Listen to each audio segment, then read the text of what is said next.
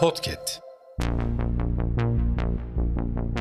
Merhaba sayın dinleyenler, Hafızanın yeni bölümüyle karşınızdayız.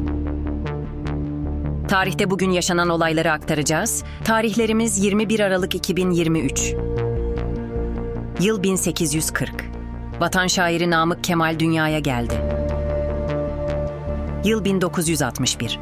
Londra'dan Tel Aviv'e giden İngiliz Hava Yolları British Airways'e ait yolcu uçağı, Esenboğa Havaalanı'ndan ayrılışından bir dakika sonra düşerek parçalandı. 26 kişi öldü, 8 kişi yaralandı. Yıl 1972. Doğu Berlin'de iki Almanya arasında temel anlaşma imzalandı. Yıl 2000. 23 Nisan 1999'a kadar işlenen suçlardan dolayı şartla salı vermeye, dava ve cezaların ertelenmesine olanak tanıyan yasa Türkiye Büyük Millet Meclisi'nde kabul edildi. Hafızanın sonuna geldik. Yeni bölümde görüşmek dileğiyle.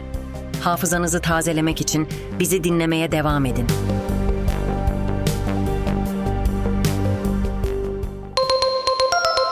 Podcast.